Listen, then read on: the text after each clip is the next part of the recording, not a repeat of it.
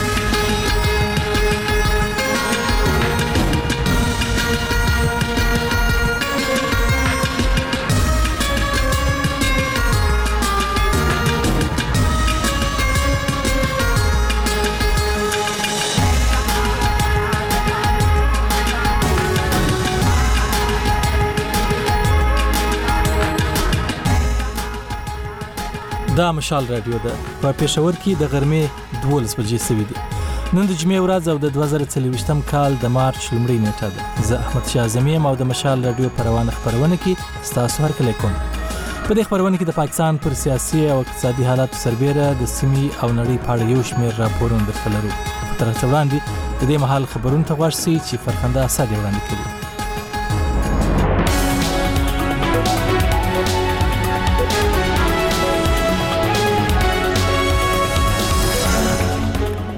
السلام علیکم لومړی د خبرونو سرټکی نن د خیبر پښتونخوا د صوبایي اسمبلی په غونډه کې د صوبې د وزیر اعلی انتخاب کیږي د پاکستان انتخاباتي کمیشن نن ویلي د هغه هوا د ولسمشر انتخاب د مارچ پر 9 نیټه کیږي او د غزا د صحت چارواکي وایي د اسرایل او حماس ترمنځ په جګړه کې د وژل شو فلسطینیانو شمیر ل 13 زرو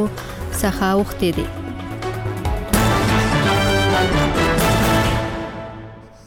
د خبرونو تفصيل نن د مارچ په لومړۍ نیټه د خیبر پښتونخوا د صوبایي اسمبلی نوي منتخب غړي به د خپل اعلی وزیر انتخاب کوي دا مهال د اسمبلۍ غونډه په پېښور کې روانه ده. د دغې څوکۍ لپاره پرون د زیارت په ورځ د پاکستان تحریک انصاف ګوند علي امین ګنډاپور د خپلې نامزدګۍ کاغذونه جمع کړل.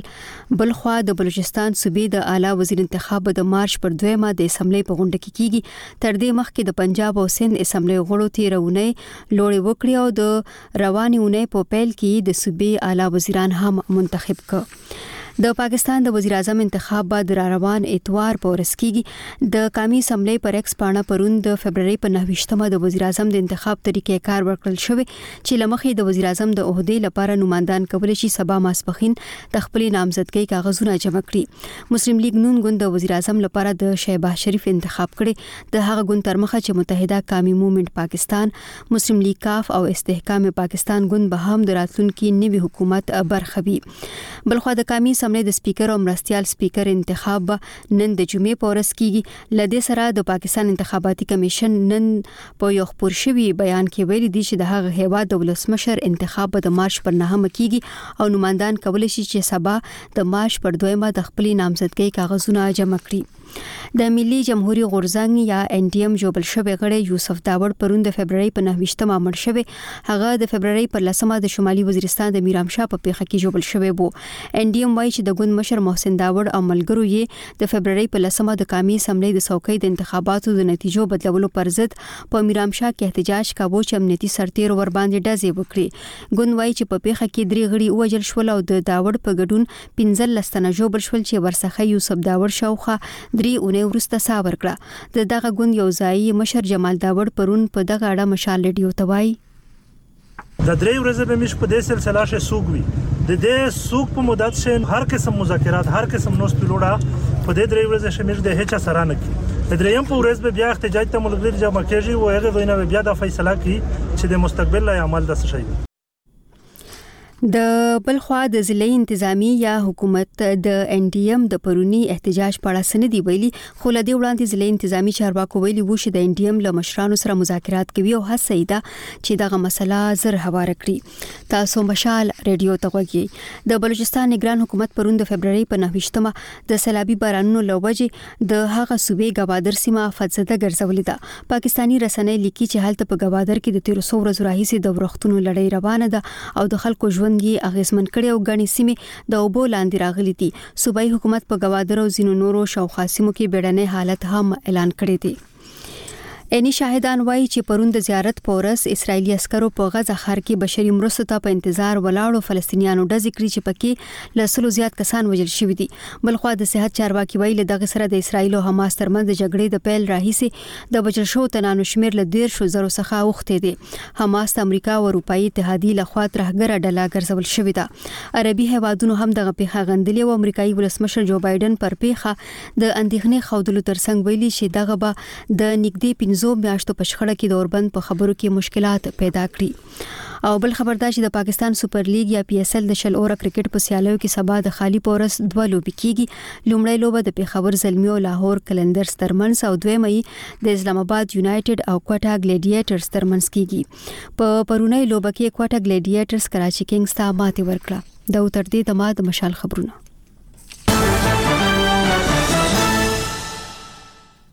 خبرونه مو له مشال رادیو څخه واوریدل چې فرخنده اسد وړاندې کول پروان خبرونه کې به د دغه راپورونو تفصیل واوري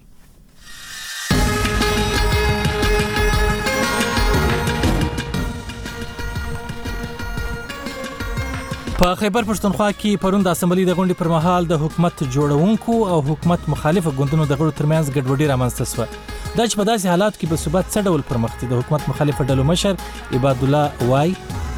عمران خط لیکل بل ورځ آی ایم ایف ته لیکل مونږ هغه کردار نه ادا کو چې مونږ مرکز ته خط لیکو یا پرایم منسٹر زمونږ دی هغه تکینو چې د سوبیل سمور مونږ هغه کردار ادا کو چې د سوبیل سراوړو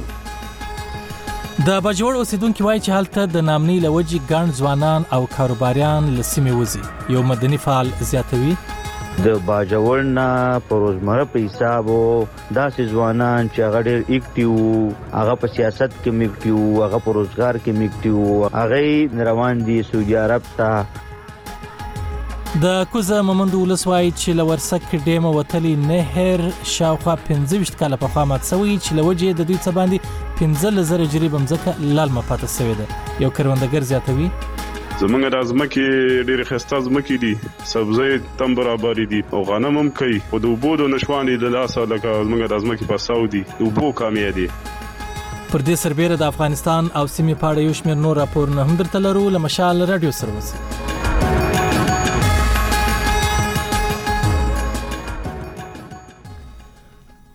زموږ غل مشال رادیو څخه اوري چې ټول خبرونه تاسو د رادیو ترڅنګ د مشال رادیو پر ویب سټ هم اوریدلای شئ زموږ د ویب پته د www.mashalradio.com ډاټ کام اوس راځو د سر موضوع ته نن د خیبر پښتونخوا اسمبلی د هغې صوبې د وزیر اعلی انتخاب کوي چې د پاکستان تحریک انصاف ملاتړ لرونکي سنی اتحاد کونسل لخوا علي امین ګنډپور نوماندی بلخوا د حکومت مخالف ګوندونو لخوا د پاکستان مسلم لیګ نون ډاکټر عباد الله نوماندی په دې اړه دا وخت په اسمبلی کې د مشال رادیو خبريال غلام غوث موجود دی غلام غوث تر ټولو مخکې خو تاسو ته هرکلی وایو پرون هم تاسو دلته موجود واست د سپیکر او ډیپټي سپیکر انتخاب وسو نن د وزیر اعلی انتخاب کیږي نو د انتخاب پروسې په اړه کوم معلومات راکړي چې په څه حال کې د مهرباني وکړي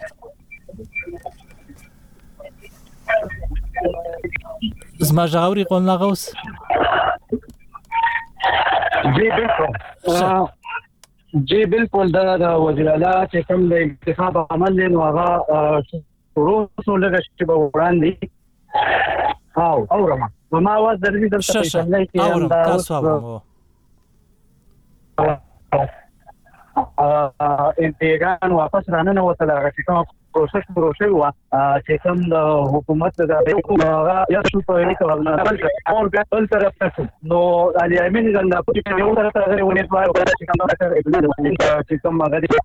او دا باندې یو وکړه چې دلته کم نه کوم ممکنه پوزیشن دی دا د غړو شمیر خو ډیره کم او هغه مونږ ولې د چې یو ورسته کېدل نو هغه په زر زر د کراغي دغه وشو او بل طرف چې دا نور غړي کم دغه ته شو دی بل طرف ته شو د علي امین ګنداپور لچ چا ووټ ورکاو ځکه دا ووټ کار کیږي دا علاوه دي دا د ډیپټي سپیکر او سپیکر په شان دی نه وي دا علاوه وزیر ووټ افکار توګه باندې کسان چې کمینو د یو کاندید کسان یو طرف ته شي او د بل بل طرف ته شي نو هغه لږ وخت غواړي چې اوس تقریبا شه شه هغه شکرې دلته مراغلي خلای نه ول شوې نه او د ایجنډې د اسمبلی د ایجنډې مطابق سپیکر اعلان وکړ چې اراکین دی اوس واپس دغه ته هاوس ته دن نه یعنی د اسمبلی ټیکنیکلی چې وته د اسمبلی فلور وای کنه چې دن نه پکې ممبران دغه کې کینی دغه کوڅه نو هغه ته اعلان وکړو چې تاسو رانه وځي په لګه شی به چې کم دینو دغه اعلان کیږي ریزلټ به د دې دغه کیږي او ممکنه توګه باندې الیامین ګنداپور چې څنګه ده په بیک ګراوند کې به تاسو دا چې موري د پاکستان تحریک انصاف آزاد امیدواران چې کم دي نو هغه د خوشاله او دغه څرګندونه ولیکي صحیح مخکنه او ریزلټ لا اوس اناونس کیږي صحیح ډیر مننه غلام غوث مر سره تازه معلومات شریکولو ښه وخت ولري بیا به هم تاسو سره یا د نور همکارانو سره خبرې کوو او اوریدونکو به په تازه حالاتو خبرو بل خو د پاکستان د قامي اسمبلی د سپیکر او ډیپټي سپیکر د انتخاب لپاره نن د هغې اسمبلی غړي رای اچوي د حکومت جوړونکي اکثریتي اتحاد لخوا د مسلم لیګ نون مخکش ایاز صادق د سپیکر لپاره نوماندي او د سنی اتحاد کونسل لخوا چې پاکستان تحریک انصاف هم ملاتړ کوي د غوی لخوا بیا امیر ډوګر نوماندي دغه رای شمیرنه په پټه کیږي یعنی د قامي اسمبلی هر غړي و بکسته په پټه باندې خپل رای اچوي او د سپیکر او ډیپټي سپیکر انتخاب بکوي البته په پاکستان کې د وزیر اعظم او وزیر اعلی انتخاب په ښکارا کیږي یعنی سپیکر د وزیر اعلی د انتخاب لپاره د وزیر اعظم د انتخاب لپاره د نمونو یادونه وکړي ک دوه نماندان وي نو بیا د اسمبلی غړو ته وایي چې کم نماند چې کوم کسان د پلاني نماند په حق کې دی هغه دی یو اړخ ته سیده اسمبلی ټوله دی ودرېږي او که د بل نوماند په حق کې دي نو هغه د بل اړخ ته ودرېږي نو ټوله پښکارا یو اړخ او بل اړخ ته ودرېږي نو بیا رايشمارنه وسی هغه کسان حساب کړل چې د اسمبلی غړي او د هر اړخ ته کزيات کسان ولاړول نو بیا د هغه چې کوم نوماند یا ملت تر لاسه کوونکې دي نو دا غنوم بیا د وزیر اعلی یا د وزیر اعظم په توګه اعلان سي د خیبر پښتونخوا د وزیر اعلی اعلان نن کیږي او د پاکستان د وزیر اعظم د پاره به رای شمیرنه سبا نه بل سبا یعنی د یک شنبه په ورځ د اسمبلی په غونډه کې کیږي زموږ غل مشال رادیو خوري او اوس یو ځل بیا د خیبر پښتونخوا اسمبلی ته پرون د خیبر پښتونخوا په اسمبلی کې د غونډې پر مهال د تحریک انصاف ګوند او د مسلم لیګ نون ګوند د غړو ترمنځ پر یو بل سخت نیوکې وسوي او د یو بل خلاف یې ناری ووهلې بلخوا په سبا اسمبلۍ کې د حزب اختلاف نومول سوي مشر عبادالله چې د مسلم لیګ نون سره تعلق لري وایي دا سیاسي تاوتریخوالي به تر دې حده نه وړي چې په مرکز کې خپل وزیر اعظم ته دا ووایي چې د دې صوبې له حکومت سره د مالي مرستې نه کوي د صوبایي اسمبلۍ په پرونۍ غونډه کې د سپیکر او مرستیال سپیکر انتخاب هم ترسره سو په دغه اړه نور تفصیل له غلام غوث اورو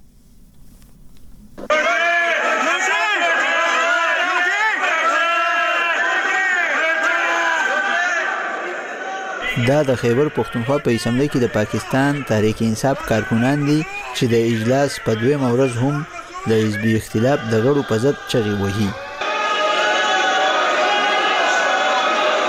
په اسمبلۍ کې دا شور ځوږ او تاو تریخوالی هغه وخت شروع شو چې د فرورۍ په اته ویشت مه نېټه د مسلم لیګ نون د مشرانو په ضد د تحریک انصاف ګڼ شمېر پلویانو نارې وهلې او په دغه مهال د مسلم لیګ نون د اسمبلۍ ښځینه غړي صوبیه شاهد د توشخانې کېس کې عمران خان ته د سزا اورولو مقدمې ته په اشاره د خپلې یوې ګړۍ په اوچتولو سره دوی له د ځواب ورکولو هڅه وکړه.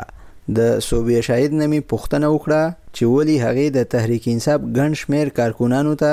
د ګړۍ په خوځولو سره د دوی غوسه نوره هم راوپاروله نو په ځواب کې هغې وویل.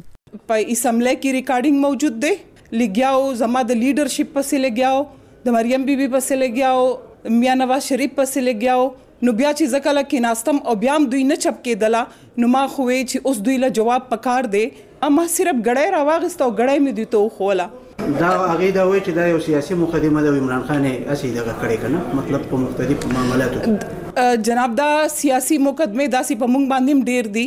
نه به موږ په هغې باندې غوسه اخلو،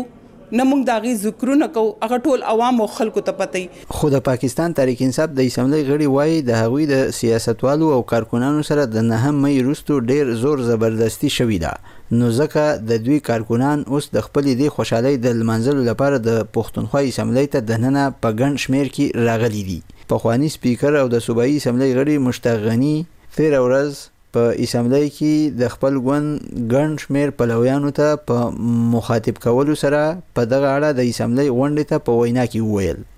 مجھے پتہ ہے کہ آپ کی خوشی کا کوئی اندازہ نہیں ہے بہت. ماته معلومه ده چې ستاسو د خوشحالۍ څه اندازه نشته، تاسو او مونږ ډېر مصیبتونه برداشت کړل، د دومره ستونزو باوجود مونږ ټول دلته رارسېدلي یو. او دا یو تاریخي پیښه ده چې د یو ګوند مشر دی جیل کې وي او انتخابي نه خطرې اغیستل شوی وي او هغوی بیا هم په دومره درون اکثریت وګټي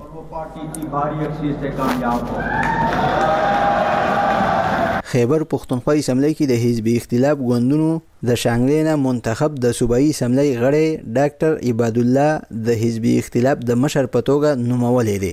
د ډاکټر عباد الله نه مې وپوښتل چې په مرکز کې ستاسو د ګوند په مشرۍ حکومت جوړېدونکی دی، نو ایا د دې سیاسي تاو تریخوالي په ماحول کې به ستاسو د ګوند په مشرۍ مرکزي حکومت هم د خپل ګوند د مخالف صوبايي حکومت نه د انتقام اخیستلو هڅه کوي او د خېبر پښتونخوا صوبې د مالي مشکلاتو د حل کولو هڅه به نه کوي؟ نو په ځواب کی هغه وویل. عمران خط لیکلی دی بله ورځ آی ایم ایف ته یې لیکلی دی هغه په دې نه دی چې دا ملک تباه کیږي بربادیږي څه کیږي خو ما په کرسۍ کینول موږ هغه کردار نه ادا کوو چې موږ مرکز ته خط ولیکو یا مرکز ته کینو یا پرایم منسټر زموږ دی هغه ته کینو چې دې صوبې له څه مه ورکوه موږ به هغه کردار ادا کوو چې دې صوبې له څه راوړو. خو شرط به پکې دا وي چې د دې صوبې د چا ریسپانسیبیلیټي ده. ټول عمر دا شی ده سي سي آی میټینګ لم زموږ چیف منسټر به نه ته که عمران خان مخه پکې ده نو که دا چیف منسټر ته دلته سبا موږ چیف منسټر ویو نو دله پکار دا ده چې پرایم منسټر ته پرایم منسټر هم وي هغه ایکسپټ کوي او موږ به خپل سټرګل خپل په ځای کوو. خو بلې خوا ته تېره ورځ نوی منتخب شوی سپیکر بابر سلیم سواتي د اسمبلۍ غونډې ته په خپله وینا کې وویل چې هغه به هڅه کوي چې د حکومت او حزبي اختلاف د غړو سره په شریکه همکارۍ او بې له څه تاو تریخوالي د اسمبلۍ کاروايي وچلوي او د صوبايي ایوان او د صوبې د کلتور د روایاتو خیال وساتي. دا مشال ريډيو ده.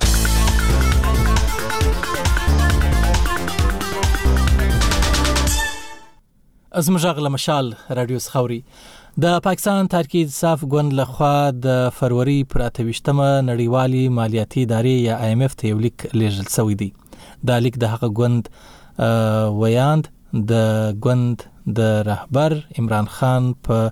هدایت باندې لیږلي دي په دا خط کې غوښتنه شوې چې پاکستان ته د پور ورکولو پر مهال دی د هغه هیواد سیاسي حالات باید په نظر کې وساتل شي او آی ایم ایف دی په دوه اونیو کې دننه باید د قامي او صوبایي اسمبلیو د دیرشو چوکیو اډیټ یا حساب وکړي په یاد لیک دا هم ویل شوي دي چې مقصد یې هیڅکله د آی ایم ایف د پور مخه نیول نه دی او نه د آی ایم ایف پروګرام کې خند کېدل غواړي خو دا چې د اقتصادي چارو کارپوهان او څېړونکي د پی ټی آی د لیک ته په څه نظر ګوري تفصیل یې نیازعلي له کراچي راکوي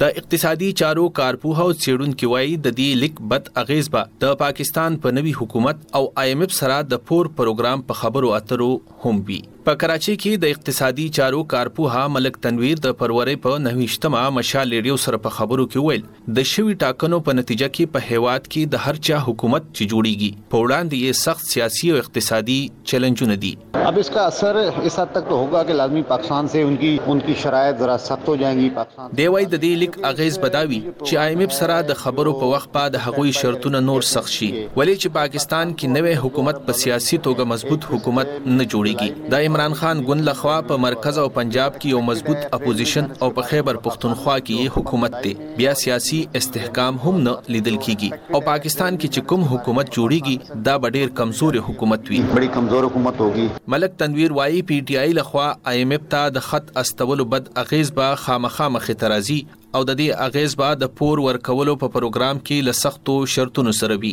نوموړي په وینا، د ملک حالات په مخکې وړلو لپاره به پاکستان راتلونکی حکومت مجبوره وي چې یو وار بیا د پور لپاره آی اېم اېف ته لاړ شي. د پي ټي آی لخوا آی ایم ایف ته دا لیک په داسې حال کې استولی شوی دی چې پاکستان نوي حکومت ته سمدستي د جاري پور پروګرام لپاره آی ایم ایف سره خبرې کول دي پوهان وایي نوی حکومت به د روانې میاشتې تر اخره یا د اپریل په پیل کې څه باندې یو ارب ډالرو لپاره آی ایم ایف سره خبرې کوي بلخوا په کراچۍ کې د اقتصادي چارو کارپوه خبریال وکیل الرحمن بیا وایي د پور پروګرام کې به آی ایم ایف د پي ټي آی دې لیک ته اهمیت ورکوي آی ایم ایف هم چه دښکه پاکستان سره کله خبری کوي نو هغه به خامخا د تحریک انصاف دی موقف ته به چه دی نو اهمیت هم ورکوي ځکه چه تحریک انصاف مخکنی چه کوم الیکشن وو په حکومت کی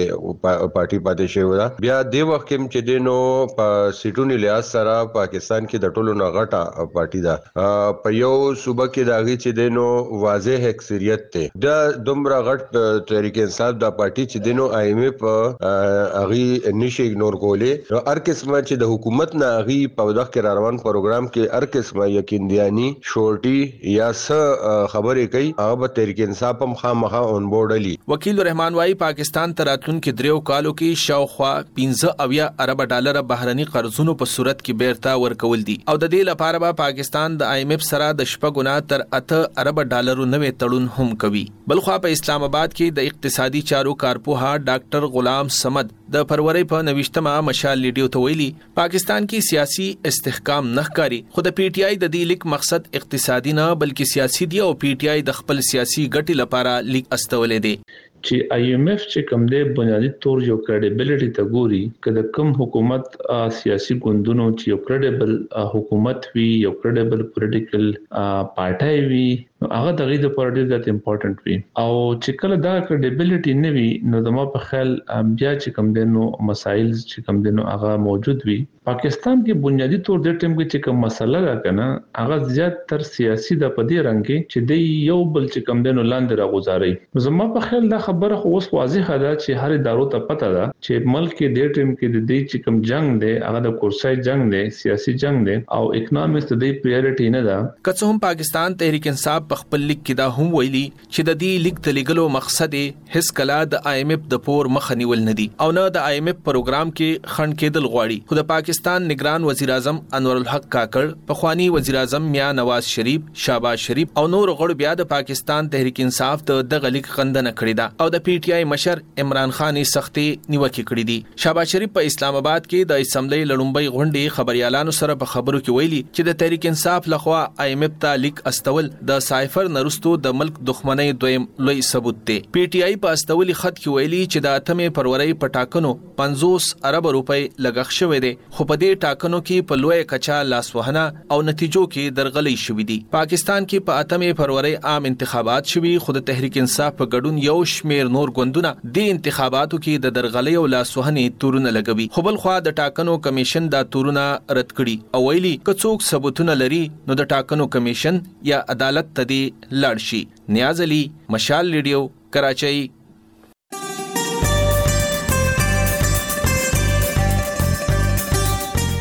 د مشال رادیو د جمعې ورځې اونیزې خبرونه د مشال رادیويي مجله په لسنیمو بجو هارون بچا هنري غړې په یو بجه تاندې هلي په دوه نیمو بجو د مشال په نوم په دریو بجو حجره په سلور نیمو بجو د ځوانانو غږ په پنځو بجو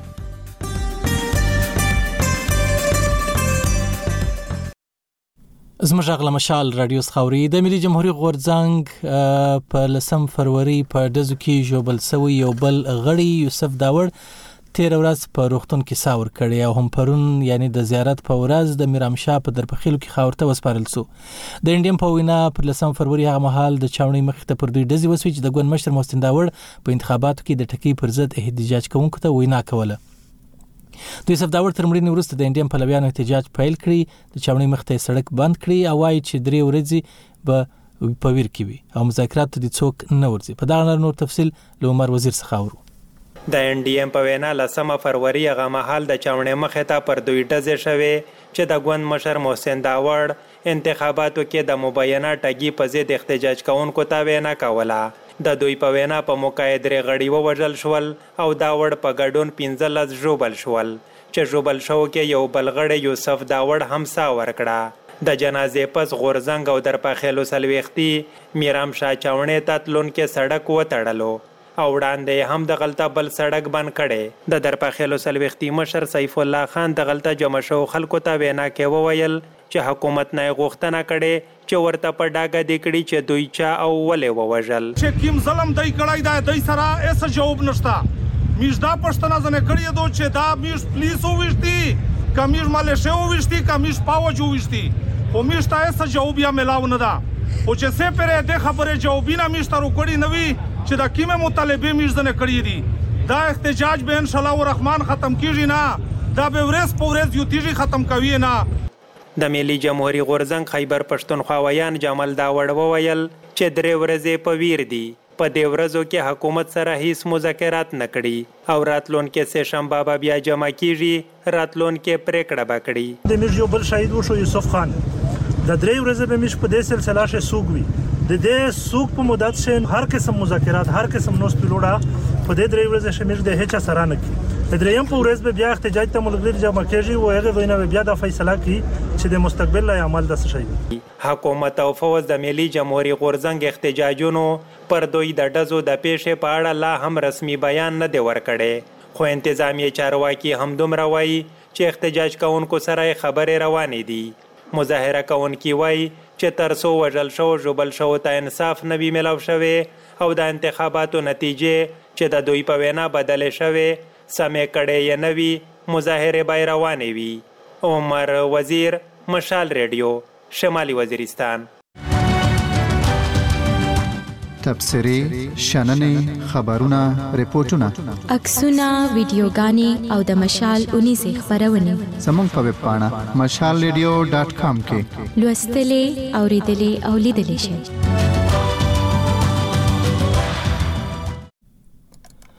زموږ غل مشال رادیو سخوري او اوس زو باجوړ ته د باجوړ اوسیدونکو وایي چې هلته د نامنۍ لوجي ګڼ ځوانان او کاروباریان لسمي وزي او په پر امن ژوند پسې نور شارونو یا بهر هیوادونو ته ځي په باجوړ کې لتیرو درو کلونو راهیسي د هدفي وژنو لړۍ دوام لري او هلته د سیکولر سیاسي ګوندونو په ګډون د مذهبي سیاسي او غیر سیاسي ډلو غړي دیني عالمان د پولیسو غړي او د پولیو ضد کارکونکو په شمول د سیمې عمومي مشران هم په نښه کیږي سیاسي او سماجی فعالان وایي دوی اوس له حکومت دا غوښتنه هم نه کوي چې ګواکې دوی ته د تحفظ ورکړي ځکه له درو کلونو راهیسې د کېدونکو پیښو یو ککړ هم نه دی نیول شوی او نه بیا معلوم شوی چې دغه شان پیښ څوک او ولې کوي د مشال رادیو خبريال شنواز ترګزي په همدې اړه د باجوړ له سیاسي او مدني فعالانو سره خبرې کړي او دا راپور چمتو کړی دی باجوړ کې د هدفي وژنو لړۍ لا هم دوام لري د فرورۍ په اوویشتمه هم په ماموند عمري کې دوه تنه نامعلومو وسلوالو وژلي وژل شوو کې یو د کوزه دیر او یو د باجوړ اوسېدونکي وو د باجوړ د پولیسو په خبره وژونکي نامعلومه دي پولیسو پلټنې او د قاتلینو د نیولو لپاره عملیات هم پیل کړي د تیرې میاشتې مانه د جنوري په یو درشمه دغلته ریحان زیب هم وژل شو ریحان زیب د قامي سملې د اتمې او د صوبایي سملې د دوه ویشتمې حلقې نه آزاد کاندید هم و د هغه د وژنې وروسته باجوړ کې سیاسي او سماجي ډلو انتظامیه ته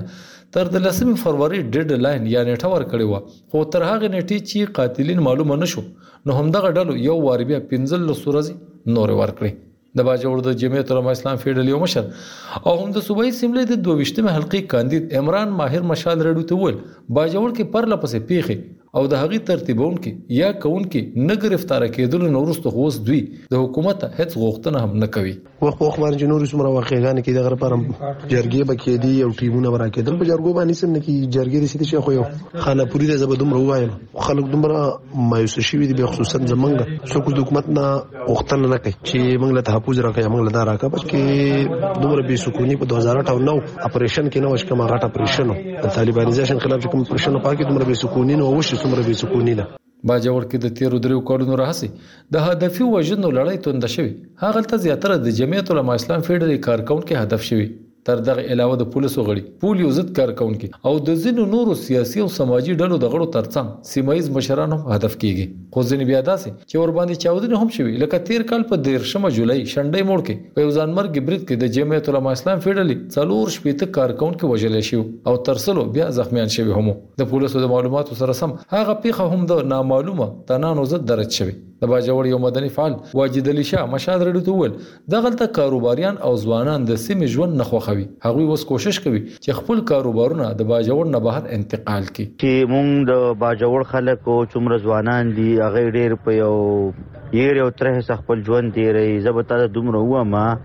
د باجوړ نه په روزمره په حساب او. داسې ځوانان چې هغه ډېر اکټیو وو، هغه په سیاست کې هم اکټیو وو، هغه په روزګار کې هم اکټیو وو، هغه په تعلیمي میدان کې هم اکټیو وو، هغه یې د روزمره په معیار باندې روان دي، سعودي عرب ته، قطر ته، څنګه عرب خلیج ملکونو ته او یورپ ته د دې یېرې او د ترهې د وجې نه. خو عمران ماهر زیاته کړه، دغلته د یوې پېښې نه تر بلې پېښې په منځ کې چې څو ورځې وي، هغه امن ګڼلی شي او ده زیاته کړه، اوس وختونه هیڅ یو څوک محفوظ هم نه دی پاتې یو سړی ته دا علم یې ما ز چل کړی دی یا حالات راته خراب دي څه خطر ده راته او څه مسلې ځان ته ځین حق وزن سایت کې خو یو سړی ته دا پته نه یو باندې دا شی وش دغه د وجنه ډیر خو خور دی چې هر سړی خپل ځان په خاطر کې خپل ژوند په خاطر کې محسوسه غټه د تشویش خبره نه غل د باجوړ پولیسو د تیرو پیخو په شمول د ریحان زیب د وژنې وروسته مشال رډیو ته ویلي وو، دوی ژمن دي چې په سیمه کې د بدامنۍ مخنیوی وکړي، په هدفي وژنو کې ککړ تنان ونیسي او دوی بیا زیاته کړې وه، دوی وخت په وخت په مختلفو سیمو کې عملیات هم کوي. شاهنواز ترکزی، مشال رډیو، پېښور. زموږ غږ له مشال رادیو څخه اوري د مشال رادیو ټول خبرونه تاسو د رادیو ترڅنګ د مشال رادیو پر ویب سایټ هم اوریدلای شئ زموږ د ویب سایټ پته ده www.mashalradio.com او کچيري تاسو سمارټ فون یا موبایل ټلیفون لري نو له اپل ستور یا ګوګل پلی ستور څخه خپل سمارټ فون ته د مشال رادیو اپلیکیشن یا اپ کښته کړئ هلته تاسو د مشال اډو ټول خبرونه اوریدلای شئ او دغه اپ وړیا یعنی مفت دی په پېښور کې د غرمې 12 بجې سوې د مهم خبرونو د لنډیز پر لور ساس پام راګرځوم چې فرخنده اسد وړاندې کوي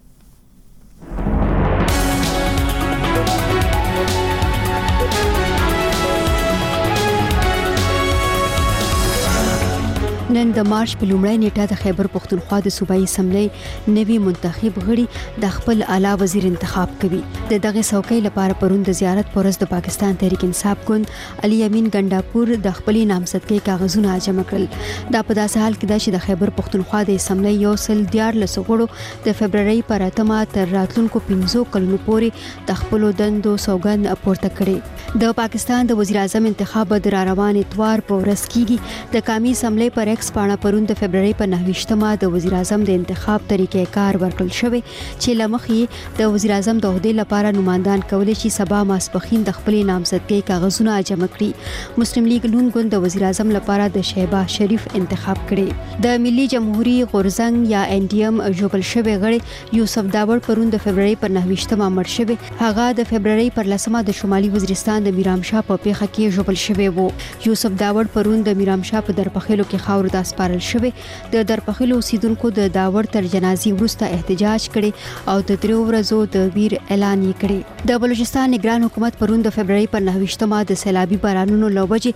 د هغې صوبې ګوادر سیمه آفتزده ګرځولې ده پاکستاني رسنۍ لیکي چې هلته په ګوادر کې د تیرو څو ورځو راهیسې د ورښتونو لړۍ روانه ده او د خلکو ژوند یې اغیزمن کړي او غني سیمې د اوبو لاندې راغلي دي عیني شاهدان وایي چې پرون د زیارت په ورځ اسرایلی عسکرو په غزا ښار کې بشري مرستو ته په انتظار ولاړو فلسطینیانو د ذکر چې پکې له سلو زیات کسان وژل شوي دي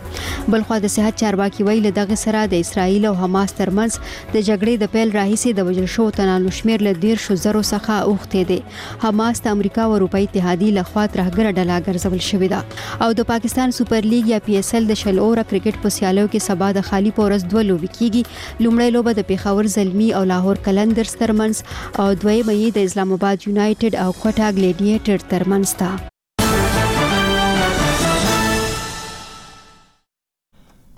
د مهم خبرونو لنډیز مو لمشال رادیو څخه واوریدي چې فرخنده اسد وړاندې کوي او تاسو پام د نړیوال راپور پر لور ګرځوم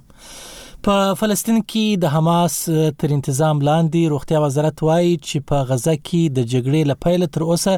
تر ډیر زره زیات کسان وژل شوي دي دا اعلان په داسې حال کې کیږي چې منځګړي وایي په څو ورځو کې به د نن اوربند ټینګ شي په دې نور حال زموږ همکار اسمت ساروان وړاندې کوي د حماس د سخت دریځې ډلې تر څارنې لاندې روغتیا وزارت پرون پنجشنبه وویل چې د غزې په جنګ کې د وژل شویو کسانو شمیر تر دېرش زره واوښت. د غزې جګړه وروسته له دې پیل شوه چې حماس ډلې چې امریکا او اروپايي اتحادیه یې ترهګره بولي پر اسراییلو برید وکړ او لږ تر لږه یو زرو دوه سوه تنه یې ووژل. په غزه کې د دېرش زره کسانو د وژل کېدو خبر په داسې حال کې اعلان شو چې د دواړو خواوو د منځګړو په وینا هغه اوربند چې دوی ورته له څو اونیو راهیسې انتظار دي، ممکن په څو ورځو کې ټینګ شي. د امریکا ولسمشر جو بایډن ویلي، د اسراییل او حماس ترمنځ پر داسې اوربند عمومي موافقه شوې چې په نتیجه کې اسراییلي یرغمل خوشې شي. ده هیله څرګنده کړه چې اوربند به د مارچ په څلورمه یعنې د سې شنبې په ورځ تطبیق شي. له بلې خوا اسوشیټډ پریس خبري اژانس پرون پنجشنبه د غزې ترانګې په غزې ښار کې د عیني شاهدانو په قول وویل چې د فلسطینیانو پر هغې ګڼې ګوڼې چې د مرستو د ترلاسه کولو لپاره راټول شوي وو د اسرایلي ځواکونو په ډزو تر سلو زیات کسان وژل شوي دي تر دې مخکې په سیمه کې د الشفا روغتون چارواکو دا د خلکو پر ګڼې ګوڼې د اسرائیل هوایي برید بللی و، خو عیني شاهدانو وروسته وویل چې اسرائیلي ځواکونو هغه مهال ډزې وکړې چې خلکو له لاریو اوړه او کنسرف شوي مواد ښکته کول. د اسرائیل حکومت په دې پېښه کې د خپلو ځواکونو د لاس لرلو په اړه له څه ویلو ډډه کړې ده، خو د دغه هېواد پوځ پرون وویل چې د دې پېښې په اړه پلټنه کوي. په غزه کې د یوه روغتون مسؤل هم پرون فرانس پرس خبري اژانس ته وویل چې اسرائیلي ځواکونو لږ تر لږه پنځوس تنه چې د مرستو په کاروانونو راټول شوي وو، ډزې وکړې او ویې وژل. په همدې منځ کې مرستندویې موسسې خبرداری ورکوي چې د غزې ترنګې شمالي څنډه به له قحطۍ سره مخامخ شي. د سې شنبې په ورځ د ملګرو ملتو د بشري چارو یوه چارواکي امنیت شورا ته ویلي وو چې په غزې ترنګه کې لږ تر لږه پنځه سوه شپږ اویا زره تنه د قحطۍ په درشل کې دي. د فرانسې خبري اژانس پرون د حماس د روغتیا وزارت په قول وویل چې په الشفا روغتون کې ماشومان د خوړو او اوبو د کموالي له کبله مړه کیږي.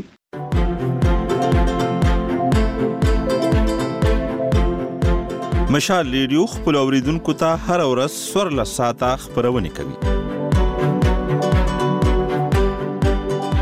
پر دې سربېره اونیزي خپرونې هم درته وړاندې کوي موږ د روغتیا ادب هنر روانو چارو مرمنو او ځوانانو په اړه ځانګړي پروګرامونه درته وړاندې کوو دا ورېدو لپاره لمشال ریډیو سره اوسئ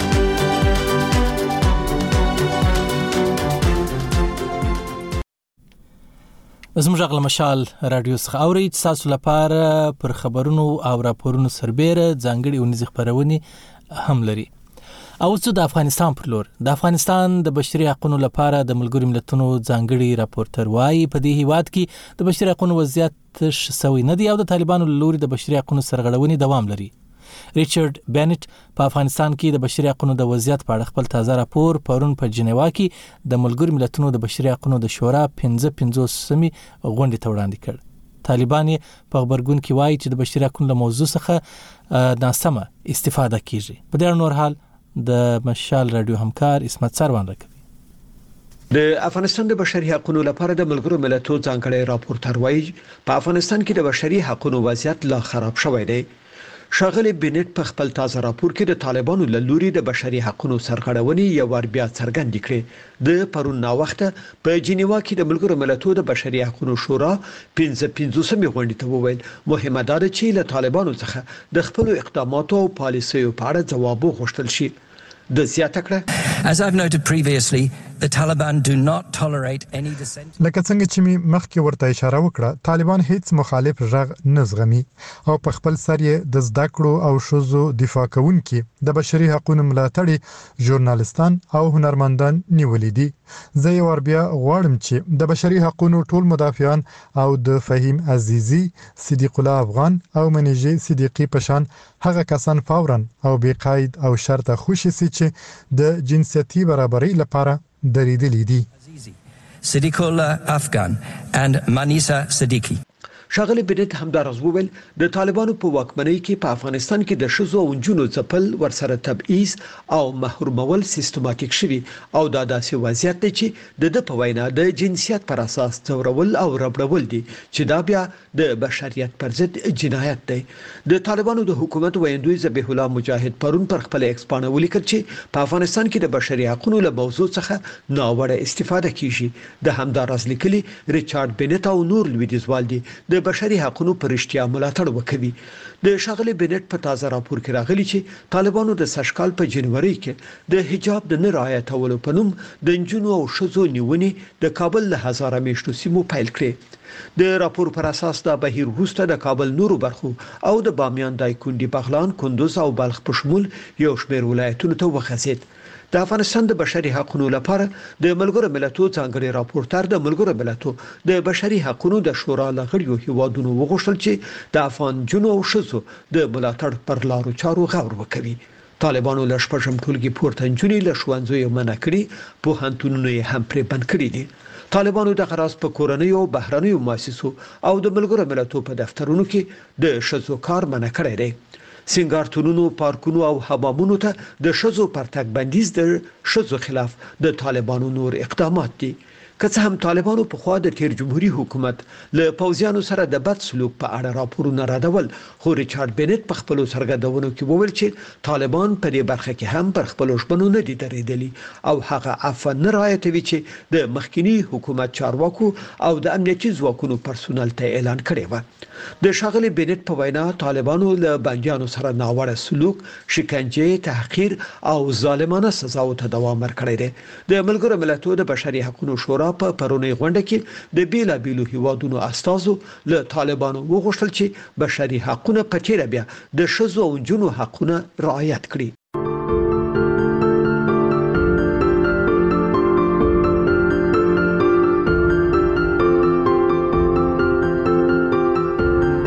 خپل سمارټ فون او ټابلیټ ته د مشال راډیو اپلیکیشن ورښکته کړئ او د مشال راډیو ټولو مطالبو ته هر ځای لاسرسي ولرئ طریقه یې ډیره اسانه ده M A S H A A L R A D I O دا ولیکئ په ګوګل پلی او یا اپ سٹور کې او د مشال رادیو اپلیکیشن در سره ښکته کړئ د دې ترڅنګ کله چې په خپل سمارټ فون او ټابلیټ کې خبرتیا ترلاسه کړئ نو د مشال رادیو اپلیکیشن ورسره تازه کوئ لدې سره به د مشال رادیو مطالب ته ستاسو لاسرسي لا زیات اسانه شي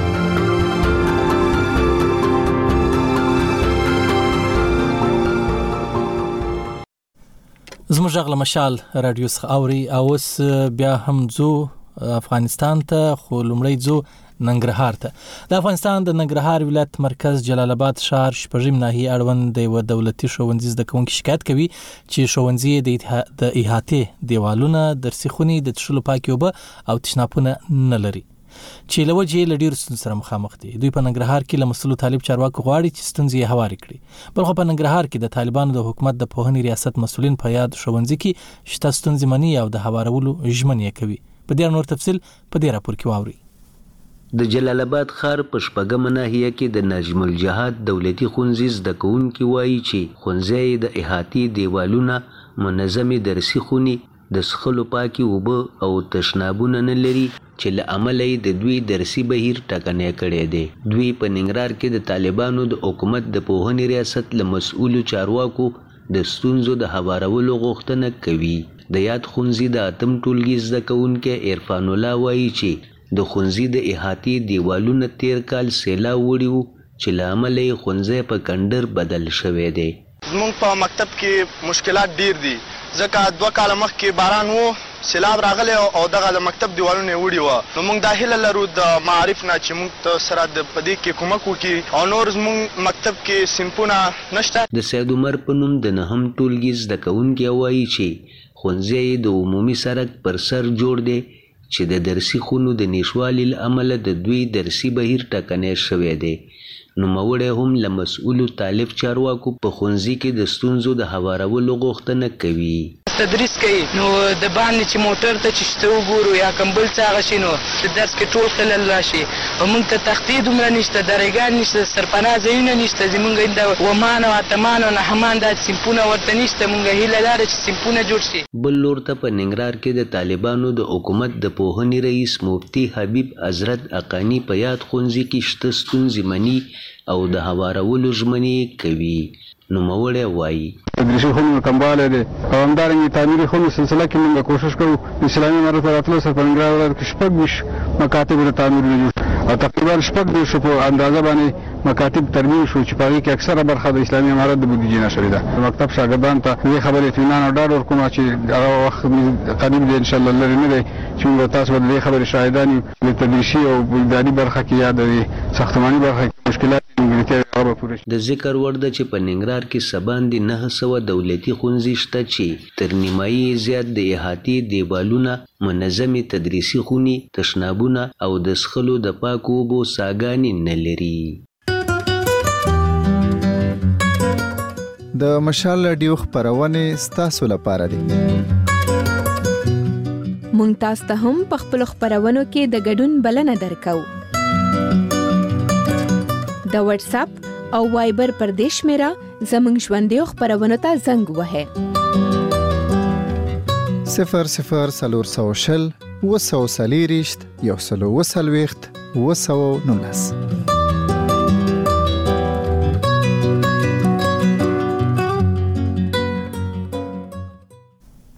زموږ غږ له مشال رادیو څخه اوري له ننګرهاره ځو د خوست پر لور په خوست کې د طالبانو د حکومت د کرنې ریاست غیر دولتي موسساتو او شخصي ادارو له خوا د نوو نیالګیو کینول پیل شوي دي د خوست اوسیدونکو له اړوندو ادارو غواړي چې د نیالګیو د کینولو په خوا په ځانګړي ډول عامه ځایونو او ځنګلونو کې د نیالګیو پالنې او ساتنې ته پاملرنه وکړي په خوست کې عموما خلک د کب میاشتې له پیله بیا تر نوروز نیالګي کینوي د سرچینو د معلومات لمخې سږ کال په خوست کې د څه د پاسه اته لکه نوو نیالګیو کښینول په پام کې نیول شوی دی په دې نور حال په دې راپور کې واوري د نورو کلونو په شان یو ځل بیا د سپرلي ورځو پرانګدي کېدو سره په خوست کې د نیالګیو کینول پیل شول په همدې پار د خوست د بېلابېلو سیمو د ځنګلونو د ساتنې د ټولنو غړو همداشان یو شمېر بزګرانو په ګډون غونډه جوړه شوې وه چې وروسته بیا د نیالګیو د کینولو اشر ترسره شو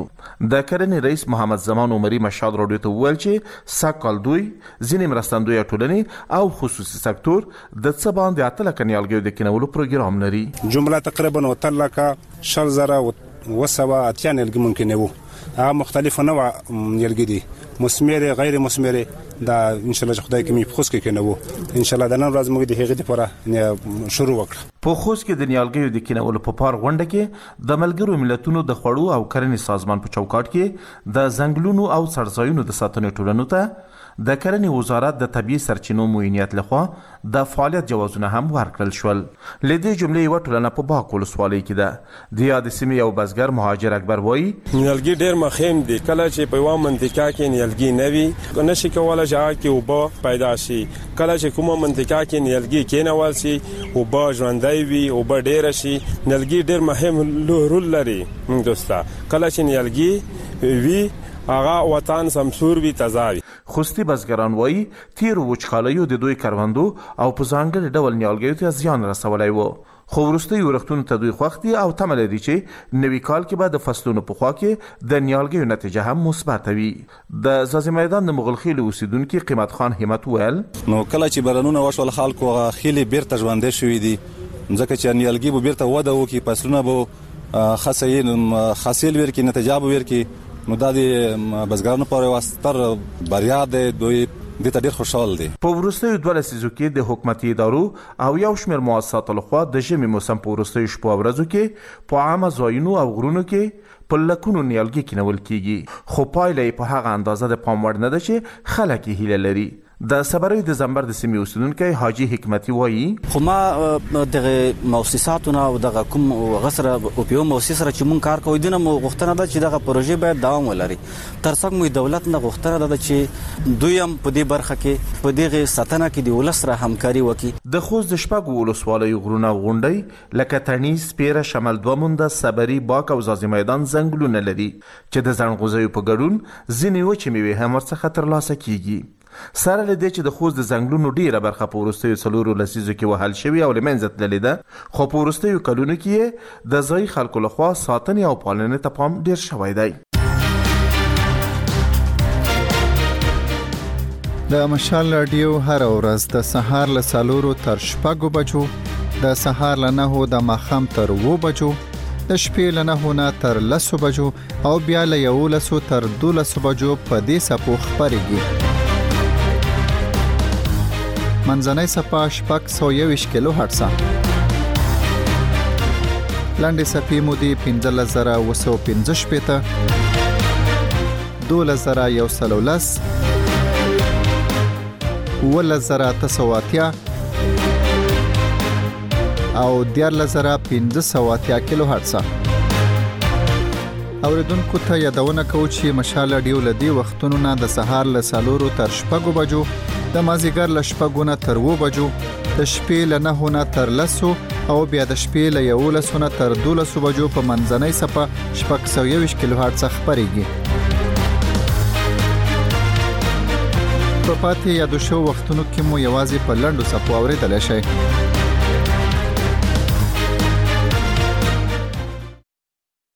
شال رادیو سخوري او اوس زو ممند ته د کوزه ممندو د قرب ډاک او د امان په شمول د نورو کلو خلک وایي چې لورسک ډیمه وتلی نهر یا ویاله شاوخوا 15 کاله په خوا ماته سوي چې له کبله یې د دوی څه باندې پنځلس زره جریبه مځکه للمه پاتې شوې ده. د سیمې ولس غوښتنه کوي چې دغه ویاله دې جوړه کړل شي. دا وخت د مومندو ځینو ځوانانو په دغه ویاله کې لوی پایپ لګولی او خپلې څه باندې سل جریبه مځکې یې د کروندې جوګه کړې دي. زموږ خبریال شاهنواز ترکزي له ځینو کروندګرو سره خبرې کړي او دا راپور یې رالېږلی دی. د عقربډاګ یکه غون خلکو په خپله مرسته د میچنۍ د نیر نه خپلو کروندو ته اوبه ایستلي. دغه نهر چې په نولس سوه او پنځه شپېتم کال کې د ورسک بند نه د لېفټ کېنال په نوم جوړ شو، تر دېرش کیلومترو پورې به یې په مشرقي اړخ دامان او اقربډاک سیمو ته اوبه رسېدې. څه پنځه ویشت کاله وړاندې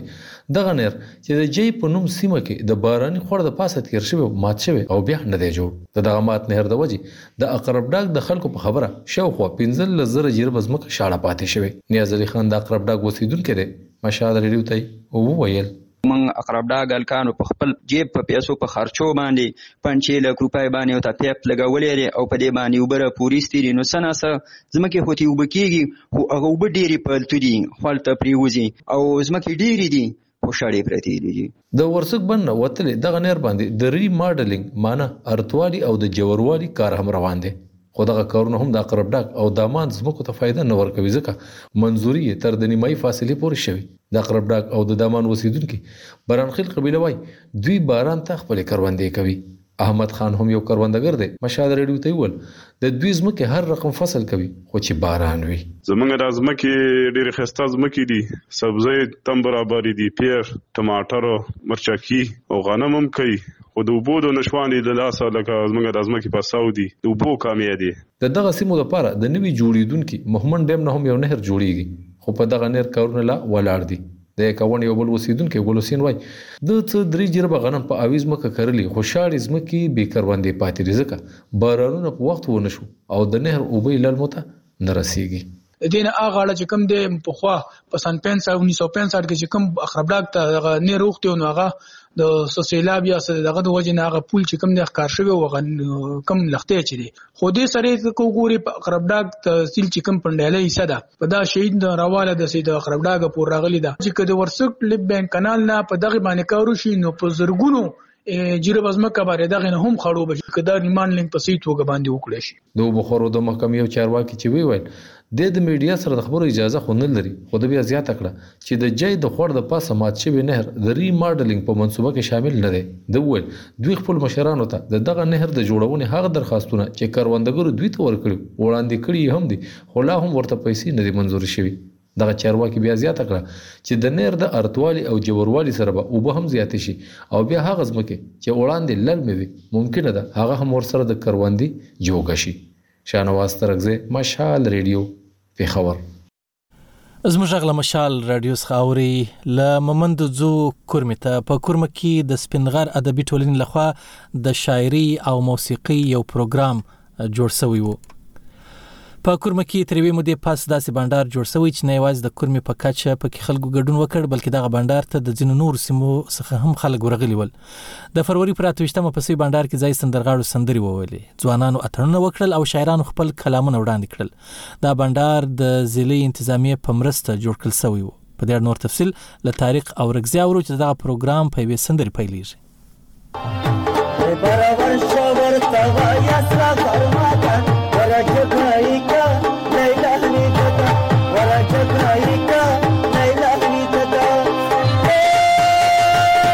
دا سندره په کورما کې لا مکه سیاحتي مرکز څخه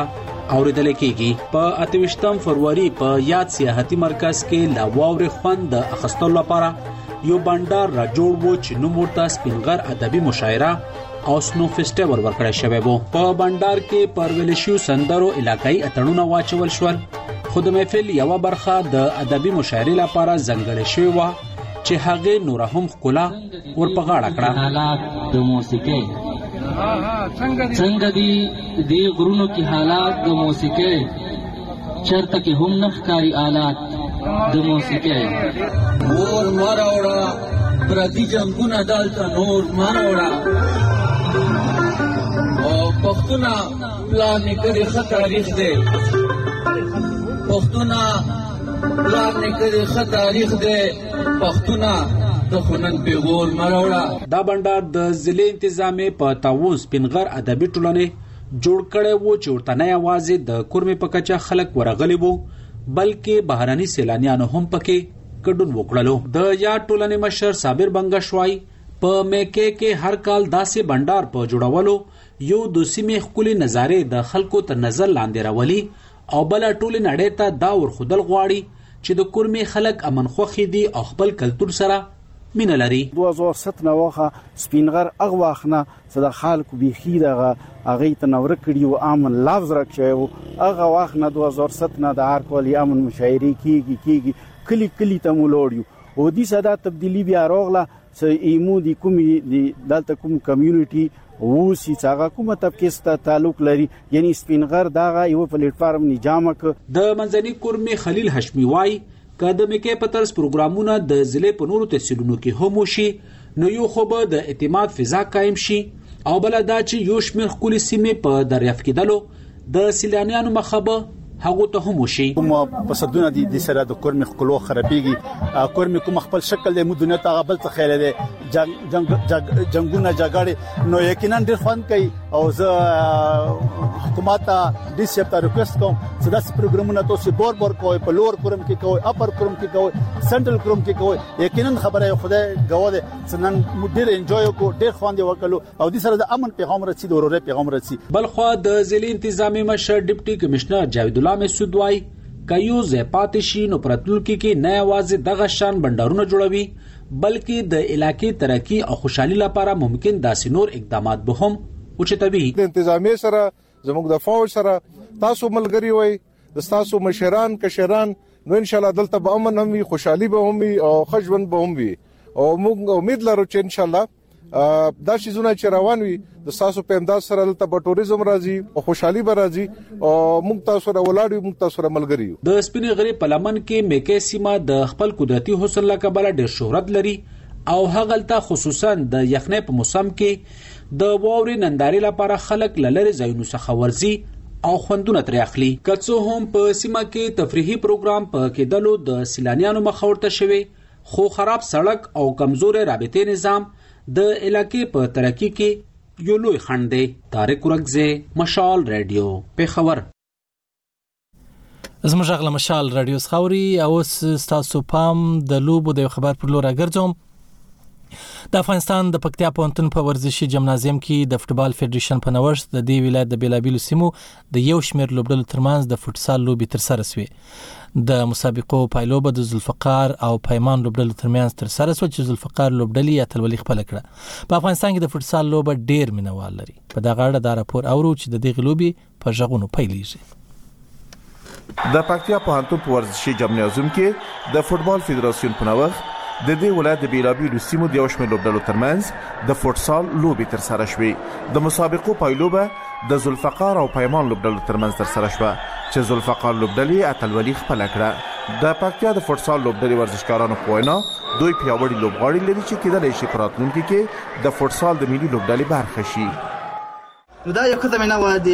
هم د شاګردانو لپاره هم د سپین ږیرو لپاره هم د نوي ځوانانو لپاره چې زه راشي هم لوبې وکړي او هم لوبې وګوري نو ما د دولت څخه او د د فدراسیون یا د فدراسیون د مشر څخه د غوښتنه ده چې دوی د همدارنګه نور دغه ګراوند هم جوړ کړي پکتیاوال ورزشکاران د ژمي په موسم کې دوی لپاره د ترمیناتي لوبو د زمینو برابرولو ته خوښ دي خو شکایت کوي چې په تیر کې د ولایت کې د ورزش پرمختګ ته لازمه پاملرنه نه ده شوې ضروري شیان داسې ده چې پکتیا لپاره هیڅ شی بس هیڅ شی اندک شیان هم خدمت نشته نه دي شوی مثلا مصنوعي چمن پکتیا ته ضرورت ده باید دلته راوړل شي او نور شان ډیر شان د چې موږ ورته وایو په پکتیا کې ورزشکاران وایي د دوی سپورتي فعالیتونه یوازې همدې ولایت پرې منحصر پاتې شوي او دا زمينه ورته نه ده برابره شوې چې له دې ځایه بهر خپل سیالانو سره ولیبيږي تجربې ترلاسه کړي او ویاړونه وګټي خواهش لرو چې د ورزشکارانو سره مرسته وکړي واقعا بهترین ورزشکاران مون په پکتیا ولایت کې هم د همداشن په افغانستان کې لرو داسې ورزشکاران شته چې مخکې نشهیي توکو استفاده کول اوس همداشن خپل مسابقه ته دوام ورکړي او ښه فایټران ونه جوړ شوي دي ان شاء الله په نږدې وخت کې به هغونه استادان جوړ شي ان شاء الله بلخوا د برنامې تابیا کوونکي د دې لوبو موخه په پکتیا کې د فوټسال لوبو پرمختګ، د دې لوبې له تخنیکونو سره آشنايي او ورزشکارانو ته دوامدارو تمرینونو لپاره د شرایطو برابرول په ګوته کوي. مخکو وختو کې په ژمي کې به په پکتیا کې هوا ډېره یخه به وه نو لوبې به نه وې، ټول ورزشکاران به په کور وو، نو مو ډېره مننه د پوهنتون ادارې نه، له رئیس صاحب نه، معاون صاحبانو او مدیر صاحبانو نه ډېره مننه چې موږ سره سږ کال ډېره همکاري وکړه په پوهنتون کې د دې فوټسال لوبې هلته شروع کړې. یاده دې وي چې په دې وروستیو کې فوټسال لوبې په افغانستان کې ښه پرمختګ کړی او ملي لوبډلې یې په نړیوالو لوبو کې پیاوړو لوبو ته ماتې ورکړې ده د افغانستان د دې ورزش ملي لوبډلې تیر کال د مرکزي اسیا د فوټسال په سیالیو کې ترکمنستان، ازبکستان او قرغزستان پیاوړې لوبډلې ماتې کړې او همدا شان د میانمار، چک جمهوریت، لبنان، مالیزیا، تایوان، موزمبیک او تاجکستان لوبډلو سره لوبې مساوي کړې.